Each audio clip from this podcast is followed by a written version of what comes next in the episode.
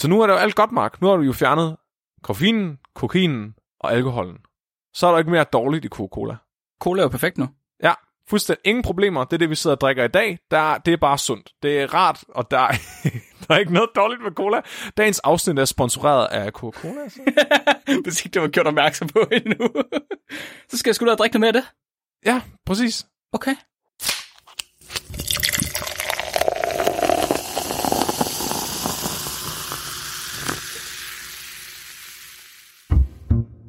Vi bringer en advarsel. Den følgende podcast handler om vanvittig videnskab. Al forskningen, der præsenteres, er 100% ægte og udført af professionelle.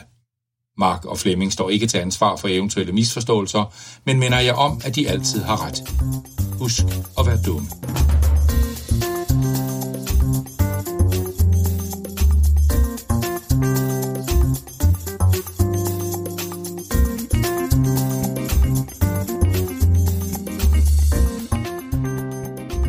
Hej alle sammen, og hjerteligt velkommen til Videnskabeligt Udfordret. Din bro til vanvittig videnskab. Jeg er jeres flatulente bælfrugt, Mark Lyng. Og jeg er jeres øh, brus og bobler Flemming. Brus og bobler. Uh-huh.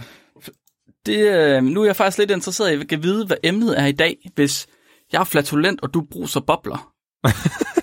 Flemming, er vi kom, de er ikke kommet til at lave en copy-paste, vel? Vi er øh, to alien af et stykke, Mark. Ja, vi... De kloge hoveder, der tænker ens. Er Prudens ophav. Fuck, fuck, fuck, jeg vidste det. Jeg vidste det. Flemming, Undskyld. så det skal ikke handle om madvarers mærkelige oprindelser i dag.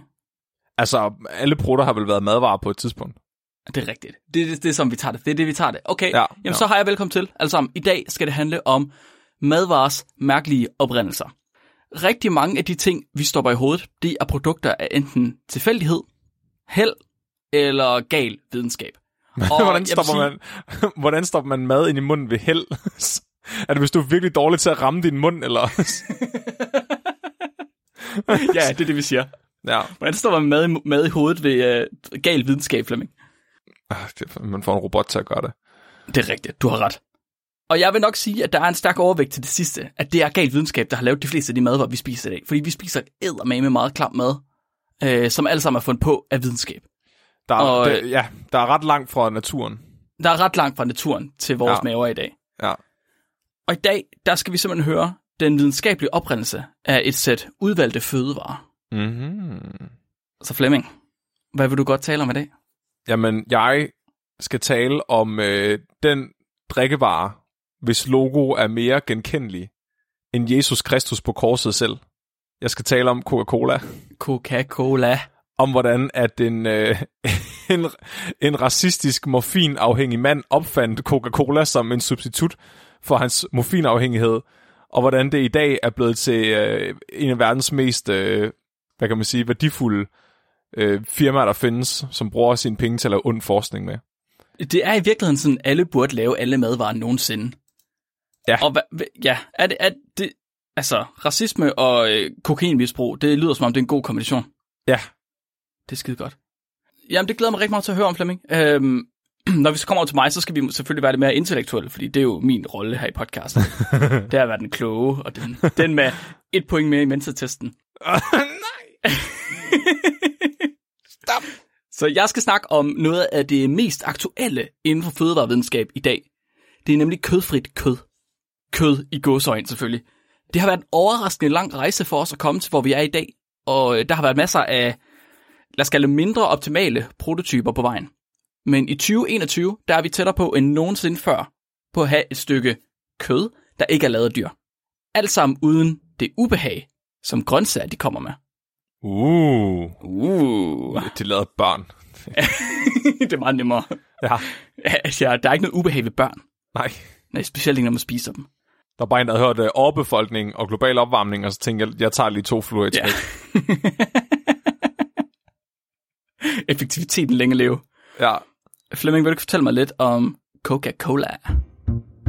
Jeg skal starte med at fortælle jer historien om øh, Coca-Cola, fordi den er lidt skør.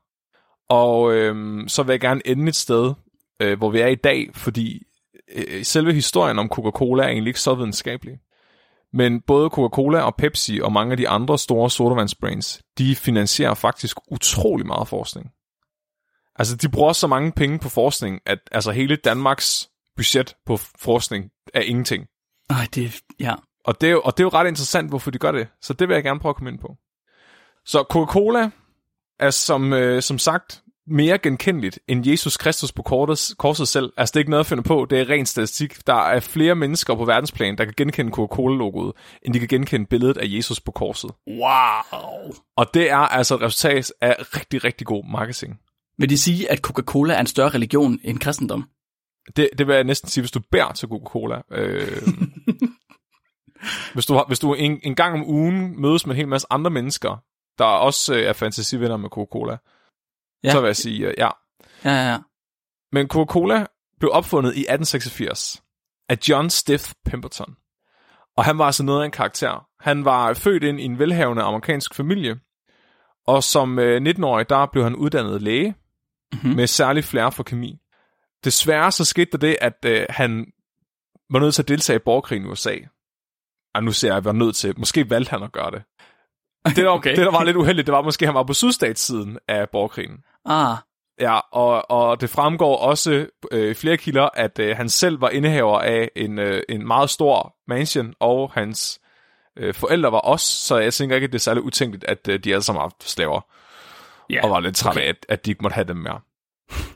Og der sker det under øh, borgerkrigen, at han simpelthen bliver såret af en sabel. Og det, og det her sår, det leder til, at han får kroniske smerter. Okay. Og de her smerter, dem dulmer han jo så med morfin, Det, som man gjorde dengang. som man gjorde det engang. Sådan. Ja, og øh, selvom øh, såret helede og smerten forsvandt, så, øh, så John øh, Pembertons morfinafhængighed, den forsvandt desværre ikke. Mm-hmm. Øh, og det var han ret træt af, at være afhængig af morfin. Han kunne ikke rigtig komme af med det, men øh, han, han havde det også, han var der samtidig. Men som læge og øh, kemiker, så begyndte han at eksperimentere for at se, om han kunne finde et supplement til sin morfinafhængighed. Så Supplement. han begyndte, øh, eller en erstatning, mener jeg. Okay. Ja, Okay. en subjugate hedder det. Ja. Ah, ikke, ikke noget ekstra, han kunne tage oveni. Sådan, åh, oh, det der morfin, det er ikke nok. Jeg skal mere. Giv mig mere. Ej, det er mere... Det endte med at blive et supplement, skal vi sige det sådan? Sådan. øhm, så han begynder at blande alle mulige forskellige ting. Han begynder at blande smertestillende medicin sammen med toksiner fra planter. Okay. Det ender ud i at blive til Coca-Cola til sidst. Ja, Coca-Cola var hans alternativ på morfin, og, det, og dets oprindelse startede ved, at han blandede smertestillende medicin med toksiner. Og så fodrede han det til børn. Ja, om det kommer. Ja, det, det kommer. var lige en omvej. Ja, fordi først så prøvede han bare bland, øh, at blande... Den første Coca-Cola-opskrift, det var at blande sirup fra knapbuske. Og knapbuske, de findes ikke i Danmark, men de findes i USA, og de er så møggiftige. Da han så opdagede, at de var giftige, så begyndte han i stedet for at bruge, øh, hvad hedder det, øh, coca-planten. Og ja, det er dem, man laver kokain af, og ja, det er der, Coca-Cola har sit navn fra. Så han, han blandede øh, de her øh, coca-plante øh, ekstrakt øh, med sirup og koffein og alkohol. Og alkoholen, den var simpelthen til for at gøre kokainen i, i, i planten øh, flydende, så det Ja, ikke øh, udfældede til øh, For at kunne opløse et, et pulver. Ja. Han blandede også øh, alle mulige andre forskellige ekstrakter fra forskellige planter, som har været delvist giftige eller euforiserende. Og den her blanding af kokain, koffein, alkohol og andre plantegifte ender så med at blive Pembertons French Wine Cola. French, what? Ja, og det blev solgt som medicin. Så det startede ikke med at være sådan en, en lækker drik, man bare kunne få.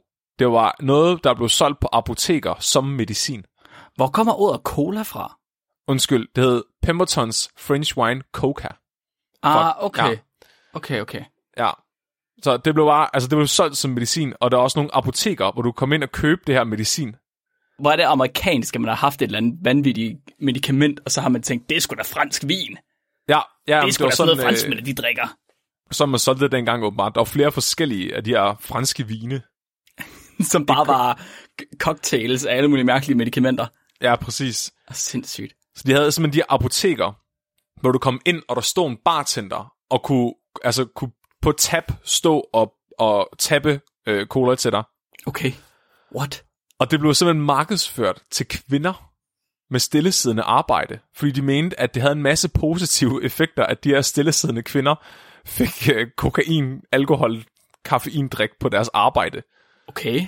Og de påstod, at, altså, Pemberton han påstod, at det havde alle mulige øh, sundhedsmæssige effekter, som det slet ikke havde. At det kunne gøre, altså, mindre, øh, mindske angst og øh, give dig høje, højere energiniveau og klare tanker og alle mulige ting. Altså ting, der overhovedet ikke var noget belæg for. Mhm. Og så blev det også markedsført til overklasse intellektuelle, så det er dem, der ser Rick and Morty i dag. Sygt sagt. Men det, folk de blev så vilde med det her cola, højst sandsynligt, fordi der var kokain i, og de blev afhængige af det. Nej, for helvede. så så alle, folk, der ikke længere var syge, eller folk, der ikke var stillesiddende kvinder, de begyndte også at drikke det. Og de her apoteker begyndte simpelthen at blive Coca-Cola bar, hvor folk tog ind for at få Coca-Cola. Desværre så to år efter, at han har opfundet Coca-Cola-opskriften, så bliver Pemberton syg. Okay. Og han begynder også at nærme sig at gå bankerot, blandt andet på grund af sin morfinafhængighed og sin sygdom. Så han bliver nødt til at sælge øh, dele af rettighederne til Coca-Cola, altså han er nødt til at sælge ud af patentet. Sådan, ja. Så han ikke har hele ejerskabet, men han stadig får procenter for salget, for eksempel. Okay, okay, okay. Fordi han vil gerne have, at en søn skulle have noget at arve efter ham. Men sønnen var sådan, ej, jeg vil bare hellere have pengene nu. Selv bare helt lortet. Nå. Så de solgte alle rettighederne til Coca-Cola for det, der svarer til 30.000 kroner i dag. Nå. D- I dag, 30.000 kroner i dag. I, i dag, ja. Så det har jo været 14 ingenting kroner dengang. dengang. Eller sådan. Nej, ingenting. Nej. Coca-Cola brandet er i dag 532 milliarder danske kroner værd. Åh, åh, det er godt, de ikke er live til at kunne se det i dag. Altså, jeg tænker, at hans efterkommere må være rimelig træt af, at deres øh, bedstefar ikke øh, lige sagde, hvad du er, bare giv mig halvdelen. Det tror jeg, du har 100% ret i. Tror du ikke bare, de har gjort det til deres mission i livet og prøver at finde en eller anden årsag til, at det stadig er ham, der har rettighederne? Jo, jo, Ouija-bræt og alt muligt. Ja, det er sindssygt. Men han dør faktisk efter de her, altså ret hurtigt efter det her. Og han er stadig afhængig af morfin, da han dør. Og på grund af den her popularitet, som Coca-Cola fik, så var der andre, der begyndte at kopiere dem. Ved at lave de her sirup sodavand på, øh, på kokain, basically. Mm-hmm. Og der var blandt andet en af dem, der hed Brad's Drink. Det, men, det, det er så dårligt navn. Det er virkelig et dårligt navn. Det fandt de også ud af, fordi de skiftede senere navn til Pepsi. Okay, okay, det giver mere mening. Så Pepsi, ja, Pepsi er en copycat af Coca-Cola. Helt tilbage fra dengang Coca-Cola var medicin. Så i 1903, der skete der noget. Fordi øh, der fandt man ud af, at kokain, det var måske, øh, det var måske lidt en dårlig idé at putte kokain i sodavand. Nå, men man havde fundet ud af, at det var sodavand nu. At folk de drak det bare for sjov. Ja, ja, så øh, de holdt op med at putte kokain i øh, Coca-Cola i 1903. Men så kan man sgu ikke sælge det på bar længere. Det er der ingen, der gider at drikke. Nej, altså så, jeg tror stadig, at folk gerne vil drikke det, men så har de bare virkelig en die-hard base, øh, fanbase af folk, der bare er fucking abstinenser for Coca-Cola, der bare...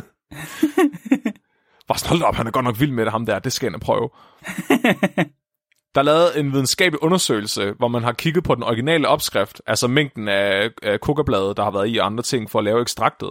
Mhm. Og man kan se, at hvis du drak det, der var en, en, en øh, Coca-Cola øh, dengang, de var 240 ml dengang, så ikke lige så store, som de er i dag. Det vil svare til en femtedel af, af en bane kokain, man vil sniffe normalt. Åh, oh, wow. Så hvis du drak fem af de der bitte små glasflasker, så har du teknisk set sniffet en bane kokain. Så har du teknisk set været ude på toilettet på Christa Daisy. Ja, ja. Ja. i Horsens, ja. I, kun i Horsens. Ja. øhm, okay, så nu har vi fået kokainen ud. Så er der lidt nogle af de andre ting, der også er i colaen, som der begynder at få lidt opmærksomhed. Fordi i 1909, der bliver det her Pure Food and Drug Act øh, ført igennem i USA, hvor at de konfiskerer 40 tønder og 20 ankre med Coca-Cola, og finder ud af, at der var 78,4 milligram koffein i en enkelt cola på 240 ml. 78,4 milligram. Det er ret meget. Hvor, ma- hvor meget meget? Altså, det er, det er så meget, at selv dengang var de sådan, det er alt for meget det her. Så, så er det for meget. Det var dengang, man Ja. stadig gav børn slik med kviksøl. Ja, og bly. Og Jeg bly. mener faktisk, at det var det her Pure Food and Drug Act, der også gjorde, at man holdt op med at putte bly i, øh, i bolsjer og sådan noget. Og kviksøl. Nu, hvis jeg husker sorry, jeg googlede lige hurtigt, hvor meget koffein der er i kaffe. Okay, 100 gram kaffe har 40 milligram koffein. Okay, så der er det samme, der er lidt mere i en Coca-Cola dengang, end der er i en kop kaffe i dag. I guess. Ja. Ja, ja, det, må have, det, må, det ser ud som om, det er en kop kaffe. I en kop kaffe, der er der 95 mg koffein i. Ja, men jeg tror, det var en blanding af, at dengang var man meget paranoid omkring koffein. Så koffein øh, blev anset som værende sådan stærkt vanedannende og sådan basically altså, virkelig dårligt. Altså, Mhm. mm-hmm. At man var meget skræmt over koffein dengang. Plus at det var også noget, der blev solgt til børn, og det gav ingen mening at give børn noget, der er så meget koffein i. Det er stadig ret imponerende, at de har tænkt det dengang. Ja, Dengang, Ja, er- hvor, vi har haft, hvor vi har haft et studie med folk, der har givet handicap, mentalt handicappet slik for at se, hvordan deres hænder de rød ned. ja Med men det var jo svenskere. Jo, ja, okay, fair nok. så de, de sagsøgte simpelthen, den amerikanske stat sagsøgte Coca-Cola, og det endte med, at regeringen vandt sagen i 1916, og så måtte de fjerne størstedelen af koffeinen fra Coca-Cola, så de skar ned til, at der kun var 34 mg i mm-hmm. sådan en flaske i stedet for. Okay, okay, okay. Nu var jeg lige inde og kigge. Ja. Sådan en monster energidrik, Mark. En drik, som også kan sælges til børn. Og der er faktisk lige blevet lavet regler om, at de måske ikke kan, nu bliver jeg i tvivl. Men en, energi, en monster energidrik på 240 ml, den er der så 86,5 mg koffein i. Det er næsten lige så meget, som der er i kaffe. Der er, der er, nej, der er, det er mere. Er det mere? Nej, undskyld, det er rigtigt, det er det samme. Det er det samme, ja. Men det er mere, end der er i en Coca-Cola for dengang. Det er imponerende. Så, folk, så børn, de drikker i virkeligheden bare kaffe, når de drikker der monster energidrik. Ja, Plus alt det andet pis der i. ja, præcis. Så nu har vi kun af fyha, pyha adderbøder tingene tilbage i Coca-Cola. Der er der jo kun alkoholen tilbage, Mark. Den fjerner man i 1920. Det gør på- man kraftet med ikke. Hold kæft, det var simpelthen, det er, det er det, den dårligste beslutning, der nogensinde er taget fra Coca-Colas side, det vil jeg sige. Ja, fjerne alkoholen.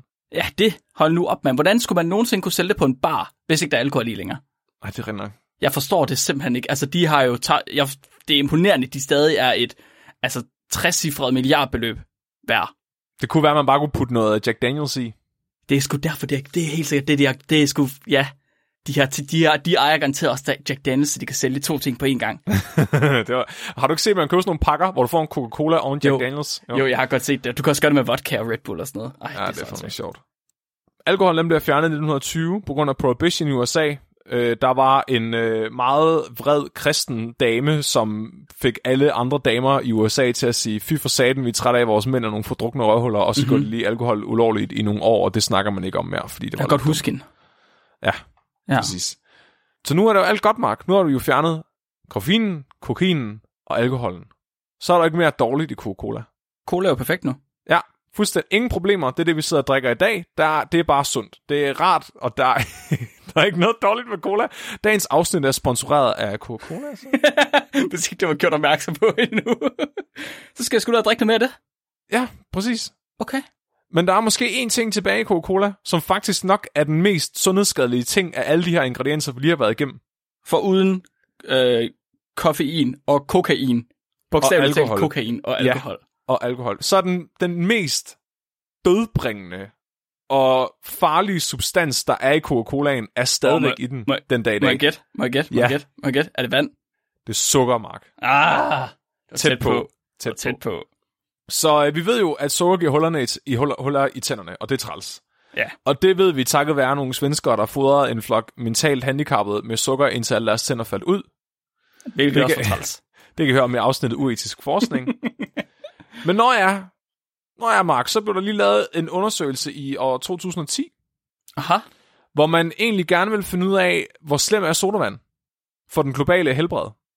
Mm-hmm. Så der blev udgivet en artikel, der hedder Global Burden of Diseases, Nutrition and Chronic Diseases Expert Estimated Global, Regional and National Disease Burden Related to Sugar Sweetened Beverage Consumption in 2010. Okay, der, der blev sagt national otte gange. Ja, det er fordi, Hvor at- slemt er sukker? Så de har lavet, der var nogle spørgeskemaer, Mark. Ja. Ja. 62 forskellige spørgeskemaer var blevet sendt ud til 611.971 mennesker på tværs mange af 51 lande. Det er rigtig mange mennesker i rigtig mange Det lande. var, det var ikke nok. Man måtte også lige supplere med 187 landes statistik om sukkerindtag per indbygger. Oh. Åh, slap af, det er meget data. Med den data, der kunne de konkludere definitivt, at 184.000 mennesker dør som direkte årsag af indtaget af sodavand. Direkte Om årsag. Ja, Direkte. ja. What? Så ikke bare, altså, når de, når de siger, okay, hvad mener når de siger direkte? Så 133.000 af dem kommer fra diabetes, type 2 diabetes. Okay, okay, på den måde. 45.000 af dem dør af øh, kardiovaskulære, altså hjertekarsygdomme, Mhm. og se- 6.500 fra cancer. Cancer. Ja, Fra cola. ja. Okay. Så fedme og diabetes og overforkalkning og ingredienserne i sodavand i sig selv er kraftfremkaldende.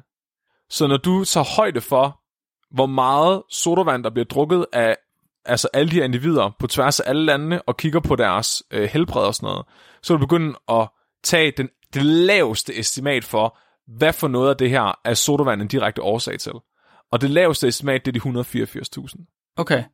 Hvis du begynder at tage højde for, hvor mange mennesker, der rent faktisk dør af overvægt og, og, og type 2-diabetes, som højst sandsynligt altså, er partielt på grund af sodavand, så bliver det her tal meget, meget, meget større. Okay, okay, okay, okay. Så man er nødt til at tænke på, at fedme og type 2-diabetes er de to største trusler mod folkesundheden i Vesten. Det er jo fuldstændig vanvittigt, Flemming. Og sodavand er en rigtig, rigtig stor del af det her. Må jeg... Jeg for, forholder mig lidt kritisk til ordet direkte. Altså, Ja, fordi når jeg hører direkte, så tænker jeg, hvis der er noget, der dør direkte af noget, så er det fordi, at den ting, de dør har slået mig ihjel. Altså, han Ja, ja, døde altså, du direkte af sin Ja. onkel, fordi onklen slog dem ihjel med en kniv. det, var, det er for at forsimple det, så er det nemmere at forstå. Okay, Der er lavet rigtig, rigtig meget statistik med rigtig, rigtig mange fine p-værdier og tabeller. okay. hvor de har lavet korrelationer og alt muligt skørt. Det var bare Okay. for, for, at vi kunne komme videre i diskussionen. Nå, okay. Jamen, det var fordi, jeg tænkte sådan noget som fedme og diabetes er indirekte følger. Tænkte jeg. altså, ja, det er rigtigt nok. Men det, det her, det er så, Eller det er- de er direkte følger, og døden er indirekte.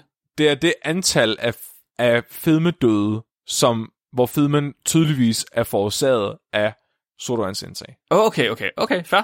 Ja, Det er rigtig mange. Det er for mange. Det er alt for Ja. mange. det er sindssygt. Wow. Og, og det, det syge er jo, at det er jo, det er jo ikke ligesom rygning. Altså, fordi rygning, der, der er det meget sådan direkte, det er mere direkte, som du måske vil efterspørge, at du mm-hmm. kan se nogle ryger, og så får de lungekasser. ja. Eller nogle ryger, og så får de kol. Men Ja. fordi der er så mange faktorer, der har indflydelse på dit, dit blodsukker og på din vægt, så er det svært at pinpoint en årsag. Ja. Men nu er videnskaben virkelig begyndt at komme frem og vise, at sodavand er en af de aller, aller værste årsager til den her fedme- og diabetesepidemi. Okay. Og når man egentlig begynder at sætte sig ned og kigge på, hvor meget sukker der er i sodavand, så er det egentlig fuldstændig absurd, at det er lovligt. Men det er så normaliseret på grund af markedsføring, at der er ikke nogen, der tænker over det. Så det vil jeg komme ind på nu, fordi det er det næste, jeg vil spørge om. Hvorfor fuck er det lovligt at sælge det her, når der er så mange mennesker, der dør af det? Og at de her to ting, altså diabetes og fedme, er så store problemer i Vesten. Hvorfor fortsætter man så med at sælge diabetes på flaske til folk? Ja. Og det er der en god grund til, fordi Coca-Cola har rigtig, rigtig mange penge. Og Det- Pepsi Der var, det var det der, ja. har rigtig, rigtig mange penge. Coca-Cola bruger 5,8 milliarder dollars om året på markedsføring. What? Det er mange penge. Og Pepsi bruger næsten lige så mange også. Hold nu kæft, det er mange penge, mand. Det er mindre end den amerikanske... Altså, de, de, de penge, Coca-Cola bruger på markedsføring, er færre penge, end hele den amerikanske regering bruger på grønne løsninger. Det er færre penge, flere penge. Den amerikanske pe- regering bruger færre penge Ja. på at bekæmpe global opvarmning og grønne Ja, ja, ja. løsninger, end Okay, Coca-Cola okay, okay, bruger på okay. markedsføring om året. Øh, hvor er det vanvittigt. Ej, hvor er det alt for mange penge. Bare for, at vi kender til deres navn, så vi kan drikke noget mere af deres stas. Så vi kan få noget mere diabetes. Ja, det er sindssygt. Man har også fundet ud af, at folk, der drikker 1-2 dåser sodavand om dagen, de har 26% højere risiko for at udvikle type 2-diabetes. Det er en til to dåser. Ja, 1-2 dåser sodavand om dagen, det er 26% højere risiko for at udvikle type 2-diabetes. Jesus fuck. Der begynder at komme nogle ret interessante statistikker nu. Så for eksempel så har man øhm, lavet en undersøgelse, hvor man sammenligner forekomsten af fedme Mm-hmm. og indtaget af øh, sodavand.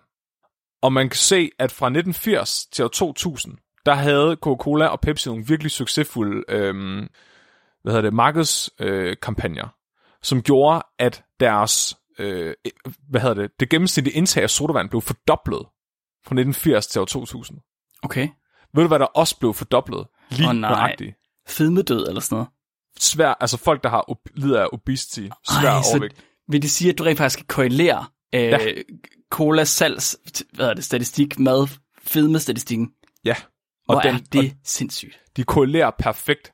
Det er fuldstændig ligesom den graf, at man, at man nogle gange har set, hvor man ser øh, antallet af cigaretter solgt, og så ser du lige antallet af, af lunge, altså lungecancerpatienter. Ja. Og de er Ja. fuldstændig ens, de er bare 20 år for skudt.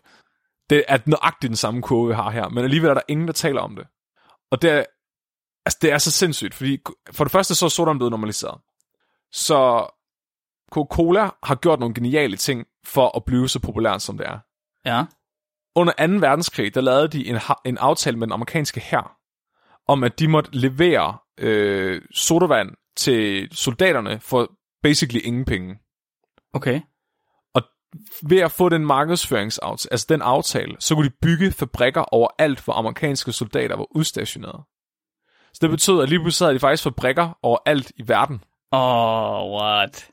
Og efter det, efter de har fået åbnet alle de her fabrikker, så begyndte de i stedet for at normalisere, at folk skulle drikke større og større mængder sodavand. Så, så først så fik de kundekredsen, og så bagefter, så i stedet for at prøve at få flere kunder udvide deres marked, så prøvede de bare at få folk til at drikke mere sodavand. Så bare få kundekredsen til at, du ved, overforbrug. Præcis, og det er det, de stadigvæk gør i dag. Det er derfor, hvis du går ned i Netto og gerne vil have en cola, så koster en halv liter cola dobbelt så meget som to liter cola. Ej, det er ulækkert.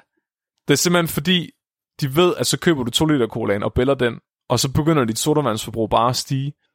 Ej, det er klamt. Det er sindssygt. Og det, ej, det er sindssygt. De øh, markedsfører også specifikt til øh, børn. Så de har øh, den her idé om, at hvis de får fat i tweens og børn, så vil de være kunder for dem for livet.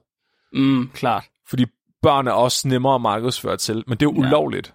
Men der er øh, den tidligere markedsføringschef for Coca-Cola, kom ud og sagde, at de havde opfordret dem til at markedsføre til børn, selvom det er ulovligt. Er det ulovligt? Det er ulovligt at markedsføre til børn under alderen 12 år. Nå, hvor, altså, hvordan markedsfører? Fordi man sætter stadig reklamer for legetøj og sådan noget. Er det ikke markedsføring til børn? Jamen, det var dengang, vi var børn. Nå, det må man Der ikke var- længere. Jeg er ret sikker på, at du ikke må markedsføre direkte til børn længere. Jeg ved ikke, hvordan det er i Danmark, men i USA må du i hvert fald ikke. Ha, okay. Interessant. Ja, det er, lidt, det er lidt crazy. Men det er også derfor, at, at Michael Jackson for eksempel blev brugt som frontfigur for, for Coca-Cola i 90'erne.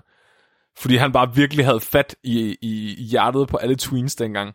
Mm-hmm. Og så den anden ting, de gør, det er, at de putter deres navn på alting, vi associerer med noget rart. Så gode oplevelser. Så hvis du er på et fodboldstadie, eller en forlystelsespark, eller en biograf, eller et lejeland, eller et eller andet, så er der Coca-Cola-logo. Altså, det er, to, det er total brainwashing. Men, men nu begynder de jo at komme ud for det, som tobaksindustrien også har været ude for. At det begynder at gå op for folk, at de rent faktisk dør af at bruge deres produkt. Ja. Og øh, det er jo lidt et problem. Ved du, hvad tobaksindustrien øh, gjorde dengang, at øh, folk begyndte at finde ud af, at de døde af at ryge? Hmm, ikke 100% nej. Så de gjorde to ting. Først så begyndte de at markedsføre cigaretter som noget, der var sundt. Da det, det løb så var kørt, så begyndte de at, at, øh, at lave falsk videnskab. Så de Falsk betalte, videnskab. de betalte forskere for at lave videnskabelige undersøgelser, der viste, at rygning ikke var skadeligt. Ej, hvor er det typisk. Hvilket stadie tror du, sodavandsindustrien er i lige nu? Jeg har ikke... Har vi, har vi set sodavand værende markedsført som sundt? Det synes jeg ikke. Oh yes, du har bare ikke det? opdaget. Det er så genialt lavet, at du ikke har tænkt over det. Nå, hvordan det? Okay, så de mest åbenlyse, det er jo for eksempel, at de begynder at lave sportsvand. Ja, okay, fair nok. Så sådan noget som Gatorade og andre ting, som Pepsi's det gælder, brand. også, det gælder også som sodavand. Ja, det er også, fordi der er lige så meget sukker i. Okay, okay, okay, okay. Og det er det samme, vitaminvand er jo virkelig en ting i USA nu. Er det? Ja, Er det? vit- Ja, det er basically bare sodavand, de har puttet vitaminer i, men det er stadigvæk bare sodavand. Aha, Men fordi de kan kalde det noget, der lyder sundt, så prøver de at skjule det som noget, det ikke er. okay. Plus, at de sælger de her, altså ikke light-produkter, men sukkerreducerede produkter, altså udgaver af Coca-Cola og sådan noget. De hedder ikke light, de hedder et eller andet andet life eller sådan noget. Øh, Max og whatever. Zero. Nej, fordi ja. det er dem, der ikke er noget sukker i overhovedet. Nå, så bare hvor der er mindre sukker i. Ja, reduceret sukker. Ah, Men, okay, okay, men okay. selv hvis du drikker sådan en cola, så får du stadig 37% af dit daglige indtag af sukker fra sådan en lille flaske. Hvor det er alt, alt, alt for meget. Ja. Så de er begyndt at komme ud for nu, at det er ulovligt, at de markedsfører de her produkter som sunde. Men så er det heldigt, at de har en anden taktik. Og det, Det er, må jo så være den næste. ja, men eller- de, de er for at øh, få sodavand til at virke sundt. Så det, de gør, Nå. det er, at de får altid øh, sportsstadier fyldt med sodavand, og sodavandsreklamer. Ja. Fordi så associerer folk sodavand med sport, og så får de altid sportsstjerner til at reklamere for sodavand Ja, klart. og til at drikke den, fordi så får folk en idé om, at de to ting ikke udelukker hinanden. At du sagtens kan være aktiv og sporty og drikke sodavand. Er det, er det bare sådan nogle psykopatiske psykologer, der har siddet og leget, altså, og været chefer for deres markedsføringhold, eller hvad? De Altså, de, vist, sidder, de sidder og kigger på dødstallene. Ja, ja, true. Men så har de også vist 100% hvordan at folk, de har, altså, hvordan folk de opfører sig. Hvordan de reagerer på deres markedsføring. Ja. går jeg ud fra. Altså, det er meget kalkuleret. Det er ret diabolsk, altså sådan diabolic. Ja. Det er jo sygt. Altså, så det der med markedsføring til børn, ikke? To tredjedel af børn i USA drikker en sodavand om dagen. 30 procent, de drikker mere end- to. Oh, wow. Ja, altså det er virkelig slemt i USA. At, jeg vil sige, Danmark er, en, en, er tæt på, men USA er stadig værst. Og drikker vi så meget sodavand? Det var jeg slet ikke klar over. Jo, der er nogen, der drikker virkelig meget sodavand. Hold da op. Det der så er det fucked up, og det, der hvor videnskaben kommer ind i billedet nu, det er, at Coca-Cola og Pepsi er inden for de sidste fem år blevet afsløret til at finansiere sygt meget videnskab. Det er vel ikke problematisk i sig selv. Det er meget godt, at vi får noget videnskab finansieret. så Pepsi har gennem Gatorade finansieret 120 videnskabelige studier over 17 år. Ja. Men det har ikke været disclosed, det har ikke været afsløret, at al den her forskning er foregået under Pepsi. Mm, ja. Så det vil sige, at de her forskere, de bliver betalt for af sodavandsindustrien at lave videnskabelige undersøgelser, som viser, at sodavand ikke er skadeligt, eller i det mindste ikke er særlig slemt. Og det lyder, okay. jo, det lyder jo lidt mærkeligt, fordi hvis, hvis du laver en videnskabelig undersøgelse, der viser det, så må det jo være rigtigt. Mm-hmm. Men du kan godt stadigvæk lave falsk videnskab, hvis du fokuserer på at bekræfte din hypotese. Så hvis de laver en hel masse forskellige, øh, for eksempel spørgeskemaer og undersøger folks forbrug, eller de indsamler en hel masse forskellige data fra patienter, så kan de smide de dårlige resultater ud og kun bruge de gode. Altså hvis du nu har et, et spørgeskema, der giver dig nogle forkerte svar, så omformulerer du spørgeskemaet, indtil du får det rigtige, og så kan du faktisk mm-hmm. udgive det. Og det er Ja. derfor, at du også kunne lave videnskabelige undersøgelser, der viser, at tobaksrygning ikke er farligt. Hvis bare du spørger længe nok, så skal du nok få det rigtige svar. Ja, præcis. Ja. Og det er så fucked up, fordi det hedder Gatorade Sports Science Institute. Hvad har de... Ja. What? Så har man også fundet ud af, at der var nogle andre, der blev finansieret af Gatorade, uden at afsløre i hvilket omfang, indtil for nylig. Det var American College of Sports Medicine. En af de største Wow. instanser i USA, der forsker i folkesundhed. Wow, wow, wow, wow, wow. Ja, Og de er blevet betalt af Gatorade til at lave al deres forskning. Og det har de ikke erklæret nogen steder. Gatorade har været deres største sponsor. Hvor er det crazy. Kan vide, hvor mange af forskerne, der har vidst det. Altså, der har godt have været klar over, at de rent faktisk fik de penge.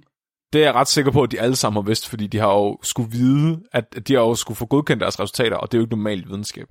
Nej, okay, det er rigtigt. Men jeg tænker mere om, der har, du ved, har været nogle PhD'er eller nogle postdocs, der har arbejdet nede i bunden af hierarkiet, som bare har lavet deres, deres forskning, uden rigtig at vide, hvor pengene de kom fra. Og det er, det er ikke sikkert, fordi At der er i virkeligheden nogen, der er blevet, der er blevet fanget i det der. Der er jo øh, tit System. nogen, der er meget sådan top-down med, at de bare får at vide, at du skal lave den her undersøgelse og lave den her databehandling. Specielt i amerikanske institutter. Ja. Det er så sindssygt, fordi de har faktisk nægtet indtil for ikke så længe siden, at det var rigtigt. Aha. Men i år 2007 blev de simpelthen angrebet af den videnskabelige selskab. Altså, der var folk, der begyndte at, at udgive uh, review-artikler og, og uh, hvad hedder det, bare sådan generelt le- letters okay. til journals, hvor de begynder at kritisere American College of Sports Medicine.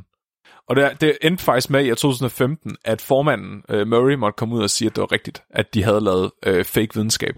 Damn. Fake videnskab lige frem. Hvor er det sindssygt. Ja, og det var åbenbart ikke kun Pepsi, der finansierede dem. Det gjorde Coca-Cola også. Ej, hvor er det fucking crazy, mand. Så de har bare lavet en ordentlig røffel artikler, der siger, at sportsdrik, det er sundt. Eller Øh, ja, så det, det er en hel masse forskellige artikler. Men en af de ting, de har kørt rigtig meget med, det er den her stay hydrated-bølge.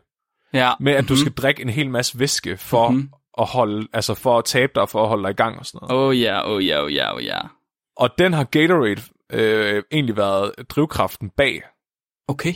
De har haft en, øh, global, en, øh, en global kampagne, der hed Beat the Heat, Beat the heat. hvor de prøvede at markedsføre Gatorade i forlængelse af, at folk de skulle drikke en hel masse væske. Aha. Så det har været sådan nogle mærkelige studier. Men og, og så nu efter det, så begyndte bolden at rulle, fordi så opdagede man, at der var et, øh, der var nogen, der hed Global Energy Balance Network, som finansierede en hel masse forskning og en hel masse læger og forelæsere til at, at du ved, undersøge folkesundhed. Det viste sig bare, at det var Coca-Cola i forklædning. Nej. Så da det blev afsløret, så kollapsede øh, GEBN jo. Men så åbnede Exercise and Medicine bare, eller Exercise is Medicine i stedet for. EIM. Det er også Coca-Cola, der har dem. Hvor er det vanvittigt. De fokuserer på at lave forskning og vejledning, der opfordrer læger til ikke at bede overvægtige patienter om at spise sundt og drikke sundt. Åh oh, nej, åh oh, nej, åh oh, nej, åh oh, nej, åh oh, nej, åh oh, nej. Det vil sige, at de her læger, de bliver betalt for, hvis de får en, hvis du, hvis de får en svært overvægtig person ind med type 2 diabetes, så vil de ikke opfordre dem til at lade være med at drikke sodavand. Så vil de i stedet for opfordre dem til at dyrke motion. Og det er det, der er deres øhm, hovedargument for, at sodavand ikke er usundt. De siger, det er ikke sodavand, der er usundt. Det er ikke at dyrke motion, der er usundt. Aha. Så, så de finansierer virkelig mange læger, der tager rundt i hele USA og holder forelæsninger, hvor de fortæller om, at sodavand er faktisk ikke usundt. Oh, Eller wow. også fortæller de om, grunden til, at du er overvægtig, det er, fordi du ikke dyrker nok motion. Og hvilket jo muligvis også er rigtigt nok, men altså, det er jo kun en, en lille bitte del af historien. Præcis, og det er derfor, den her kamp, den er ekstra svær. Fordi i rygning, der var det meget, meget todimensionelt. Det var virkelig Ja. tydeligt, at det var A, B. Men med diabetes og overvægt, der er det altså meget mere, der er mange flere forskellige ting, der gør det. Men sodavand ja. ja, er virkelig, virkelig en stor del af det. Okay. Og lige nu, der bliver bare pumpet milliarder af kroner ind i forskning på at skjule det. Hvor er det? Fucking mand, det er fandme sindssygt, mand. Og det, det mest sindssyge er, at den amerikanske regering har flere gange vil indføre en, en øh, hvad hedder det, skatter på sukker, sådan så at der skulle komme afgift på sodavand, for eksempel. Ja. Men fordi Coca-Cola og Pepsi har så mange penge, så er laver de lobbyisme. Så de finansierer så mange andre ting for den amerikanske regering, at de ved, at den mister de, hvis at de laver en, en, en beskatning på sukker og sodavand. For fuck's sake, mand. Det er sindssygt. Ej, det er derfor, jeg hader politik. Hold kæft for... Ej. Og nu også videnskab. Politik inden for videnskab er bare mindst lige så slemt, som. Ja. politik er for sig selv. Ej. Det var øh, ikke så videnskabeligt i dag, men mere sådan en, øh, et eksempel på, at øh, videnskab også kan være dårligt. Øh, er vi på nogen måde på vej hen et sted, hvor det er, at nu er de blevet... De, de to firmaer, der er, at nu er de blevet afsløret, så nu er folk, du ved, på vej til ligesom at blive mere oplyste om, at sodavand er, kna- altså ikke er godt for os. Ja, Det altså, er farligt for os. der er noget forskellig statistik på det, men altså, det er selvfølgelig forskelligt fra år til år. Mhm. Men den her vækstkurve, man så i, i mængden af sodavand, folk drak fra 1980 til 2000, den er knækket nu. Okay. Så der er faktisk nogle år, hvor den, er, hvor den falder, og så nogle år, hvor den stiger igen. Okay, så der, er- der er en, en svag kamp imod de to sodavandsgiganter, eller alle sodavandsgiganter i virkeligheden. Ja. Også selvom de prøver at skjule sodavands øh, skadelighed i deres falske forskning. Ja, Okay. men det, det er vildt nok, at sodavand i virkeligheden måske viser sig at være de nye cigaretter. Det er, ja, Fordi det, det, er, det er så normaliseret. det er fuldstændig. Også for, jeg tror, folk, alle folk, okay, måske er det bare ikke alle, der er klar over, at det er farligt. Det, var det, det finder jeg fuldstændig vanvittigt, men det kan jo godt være. Specielt hvis man bliver, specielt hvis man bliver undervist i, at sodavand ikke er farligt. Ja, At det ikke er skadeligt for dig, at det bare er et spørgsmål om at dyrke mere motion. altså fordi det, der sker, når du drikker sodavand, jo, det er, at sukker det kommer ud i dit blod, for at blive ja. ja. transporteret ud til dine celler. Og, og, og når det sker, så får dine celler i kroppen at vide, at de skal stoppe fedtsyreforbrænding. Så så længe Ja. du har sukker i blodet, for, så forbrænder din krop ikke noget fedt, så forbrænder den kun sukker, indtil sukkeret er væk. Ja. Og det resterende sukker, det kan så blive lavet om til fedt i stedet for. Det der er med, med flydende sukker, altså som er i for eksempel sodavand, det er ikke til dig, Mark, det er også bare til lytterne, det er, at, at hvis, du, hvis, du, hvis du spiser noget med sukker i, altså selvfølgelig ikke kage, men måske nogle grøntsager med kulhydrater eller et eller andet, så skal din krop arbejde for at nedbryde sukkeret, der er i dine fødevarer. Altså hvis du får det som stivelse, eller i hvert fald som polysaccharider. Præcis. Så din Ja. krop bruger noget energi på at, at, at, at optage sukkeret, men det er heller ikke sikkert, at alt sukkeret bliver optaget i din, i din blodbane. Nej. Med sukker på flydende form, der er der bare virkelig, virkelig, virkelig høj ydeevne. Altså det, det svarer til at trykke på nitrokappen på en bil, altså fordi det er så nemt tilgængeligt for kroppen, det ryger bare lige ind. Så selvom at mængden af sukker i en cola måske er den samme, som den er i en eller anden fødevare, så mængden af sukker, der bliver omdannet til fedt eller kommer ud i dit blod og potentielt kan give dig diabetes med årene, er jo sådan set højere. Fordi at sukkeret er mere tilgængeligt til din krop. Ja, ja, ja. Altså vi er jo enige om, at sukker er jo ikke farligt i sig selv. Ja, Sukker er, det, det er overdrevet forbrug af sukker, ligesom overdrevet forbrug af alt er et problem. Ja. Og det, at du så har mulighed for at altså virkelig, virkelig hurtigt at få et overdrevet forbrug igennem sodavand, det er jo så det, der gør, at sodavand er sindssygt farligt. Ja. Fordi der skal så lidt til af det, før det er, at du bare er altså totalt skudt mega langt over grænseværdien. Men der er også meget forskning i dag, der tyder på, at en af grundene til, at mange mennesker er overvægtige, det er, fordi vi øhm, vores insulin, vi har næsten altid sukker i blodet, fordi vi spiser så mange gange i løbet af dagen. Mm-hmm. Altså, der er meget forskning, der faktisk peger på, at det ikke er normalt at skulle spise, hvor du står, altså spise morgenmad, middagsmad og aftensmad. Fordi så får du hele tiden spikes i dit blodsukkerniveau, som gør, at der hele tiden er insulin i dit blod. Og det er det, der gør, at, nogen, altså at folk får diabetes med tiden, fordi hvis de hele tiden har insulin i blodet, så bliver deres celler resistente over for insulin, fordi de vender sig til den, og så får de diabetes. Mm-hmm. Men det gør også, at de bliver dårligere til at lave fedtsyreforbrænding, fordi de hele tiden kører på øh, sukkerforbrænding i deres krop. Så der er faktisk meget, der tyder på, at øhm, bare det ikke kun sukkeret gør, at du bliver overvægtig, men sukkeret gør også, at din krop bliver dårligere til at tabe sig efter, at den har vendet sig til det, Okay. hvis det giver mening. Ja, ja, helt sikkert. Ja. Spændende. Så dit budskab er, at folk de skal forsøge at holde op med at drikke sodavand. Altså, jeg har ikke lyst til at drikke sodavand mere. Hvor drak du meget sodavand før? Nej. Nej, jeg, okay. jeg, drak, øh, jeg kan godt finde på at drikke sukkerfri soda, altså Pepsi Max og sådan noget. Ja. Men det har jeg også besluttet, altså det er også, skal jeg også ned, fordi øh, jeg, jeg er sådan lidt øh, med cancer og stevia og sådan noget, det er jeg godt nok lidt nøjeren over. Ja, okay. Og nu, vil du heller ikke, nu skal du også nødig finansiere mere falsk forskning.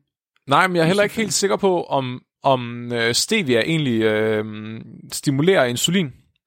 Jeg har ikke hørt nogen definitive studier, der siger, at det ikke gør. Jeg har slet ikke kigget i det.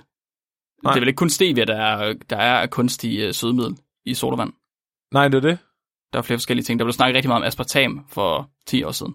Ja, altså fordi hvis man går og drikker sukkerfri sodavand, og så kroppen udskiller insulin, så stopper din fedtsyreforbrænding alligevel, og så får du også Ja, diabetes. True. Ja. Ja, ej, ja. Spændende. Nå, Okay. Mark. Det må, være, det må være min tur til at snakke om uh, en, en madvares mærkelige uh, oprindelse. Så Beyond Meat og Impossible Foods, de er verdens største producenter af kødfrit kød. Og vi er hverken sponsoreret af Coca-Cola, eller af Pepsi, eller af Beyond Meat, eller Impossible Foods. Men skulle de have lyst, så smider de jo bare en mail. Altså, vi kan godt lave noget falsk forskning til dem, det er ikke noget problem. Det gør jeg bare. Alternativ kød til kød. De her to virksomheder, de laver alternativ til kød, der er produceret ved, at man sammensætter plantebaserede ingredienser til et produkt, der efterhånden, efterhånden imiterer kød så godt, at folk de er begyndt at have svært ved at smage forskel. Sådan for real. Og det kan lyde mærkeligt, hvis man husker tilbage til, øh, til det kødalternativ, de kødalternativer, der var for bare fem år siden, 10 år siden. Ja, jeg har smagt tofu, det synes jeg godt nok var lidt øv. Ja, tofu, det er måske det ringeste kødalternativ, der er, hvis man i hvert fald forventer at få kød. Ja.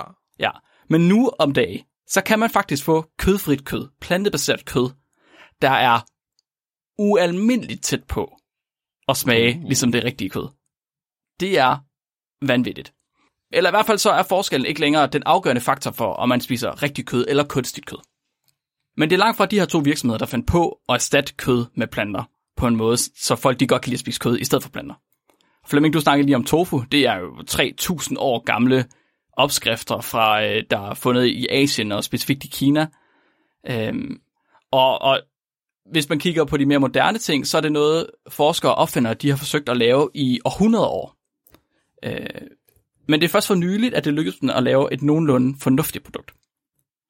Det allerførste imiteringsprodukt til kød, det var, altså pænt sagt, rimelig ring. Eller, det var måske ikke, det var måske ikke dårlig mad. Altså, det, var, det kunne godt være, at det var okay at spise, men det var, det var ikke kød. Det var på ingen måde kød, og det var ikke, det lignede ikke kød overhovedet, Flemming. Nej.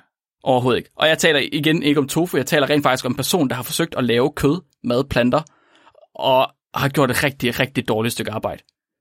det, det, hvis du sagde det til en vestsyd, var man bare sådan, det gør det hele tiden.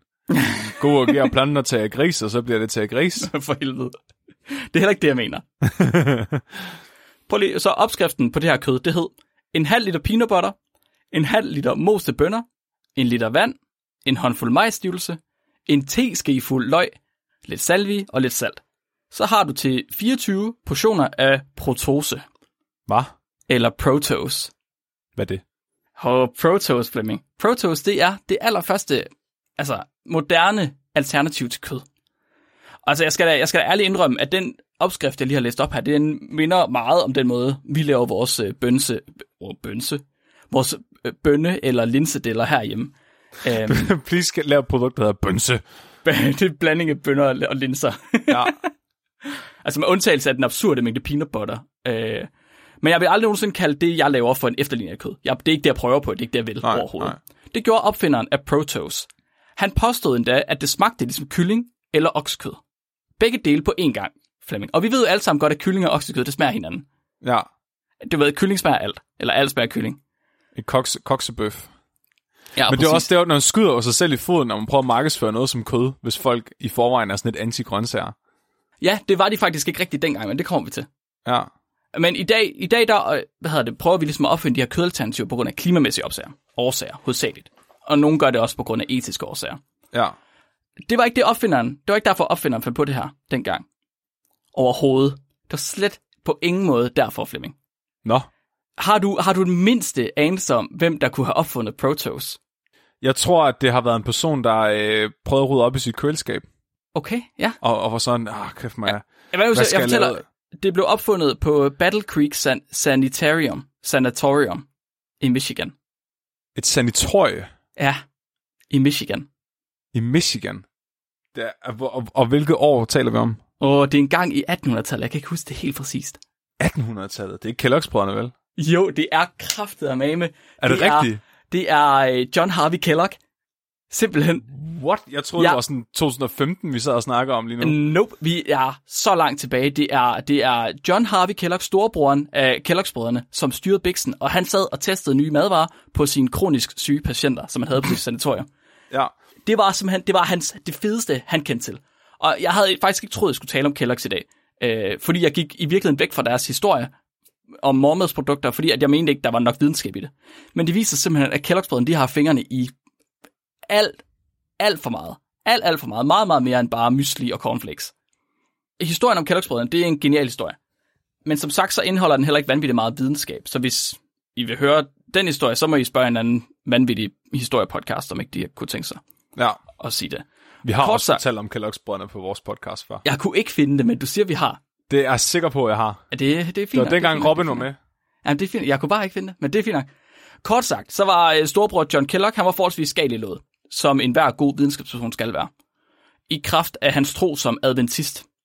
Og adventister, de er, og det er et citat, jeg har fra adventist.dk det her, optaget af helse og livsstil, og tror på alt, der bidrager til, at liv kan blomstre. De tror på balance i tingene, ikke for meget og ikke for lidt.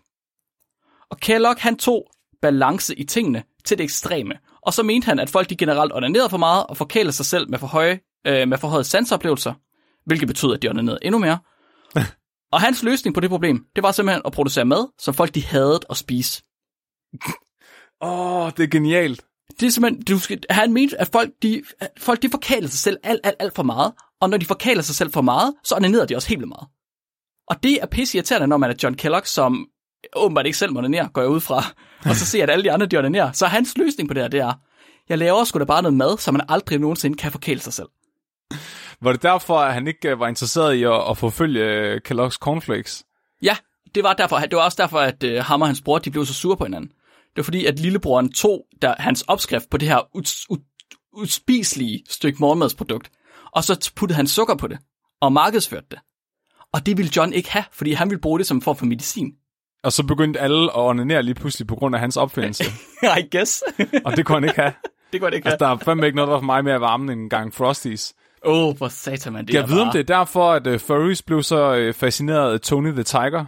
Det tror jeg 100%. Det var fordi, at de, blev, de, de kunne huske det, fra det de var små. Det var deres første seksuelle oplevelse, det var at spise Frosties. Ja, fordi de fik lyst til at onanere og spise cornflakes. Ja, præcis. Ja. præcis. Forkæle sig selv.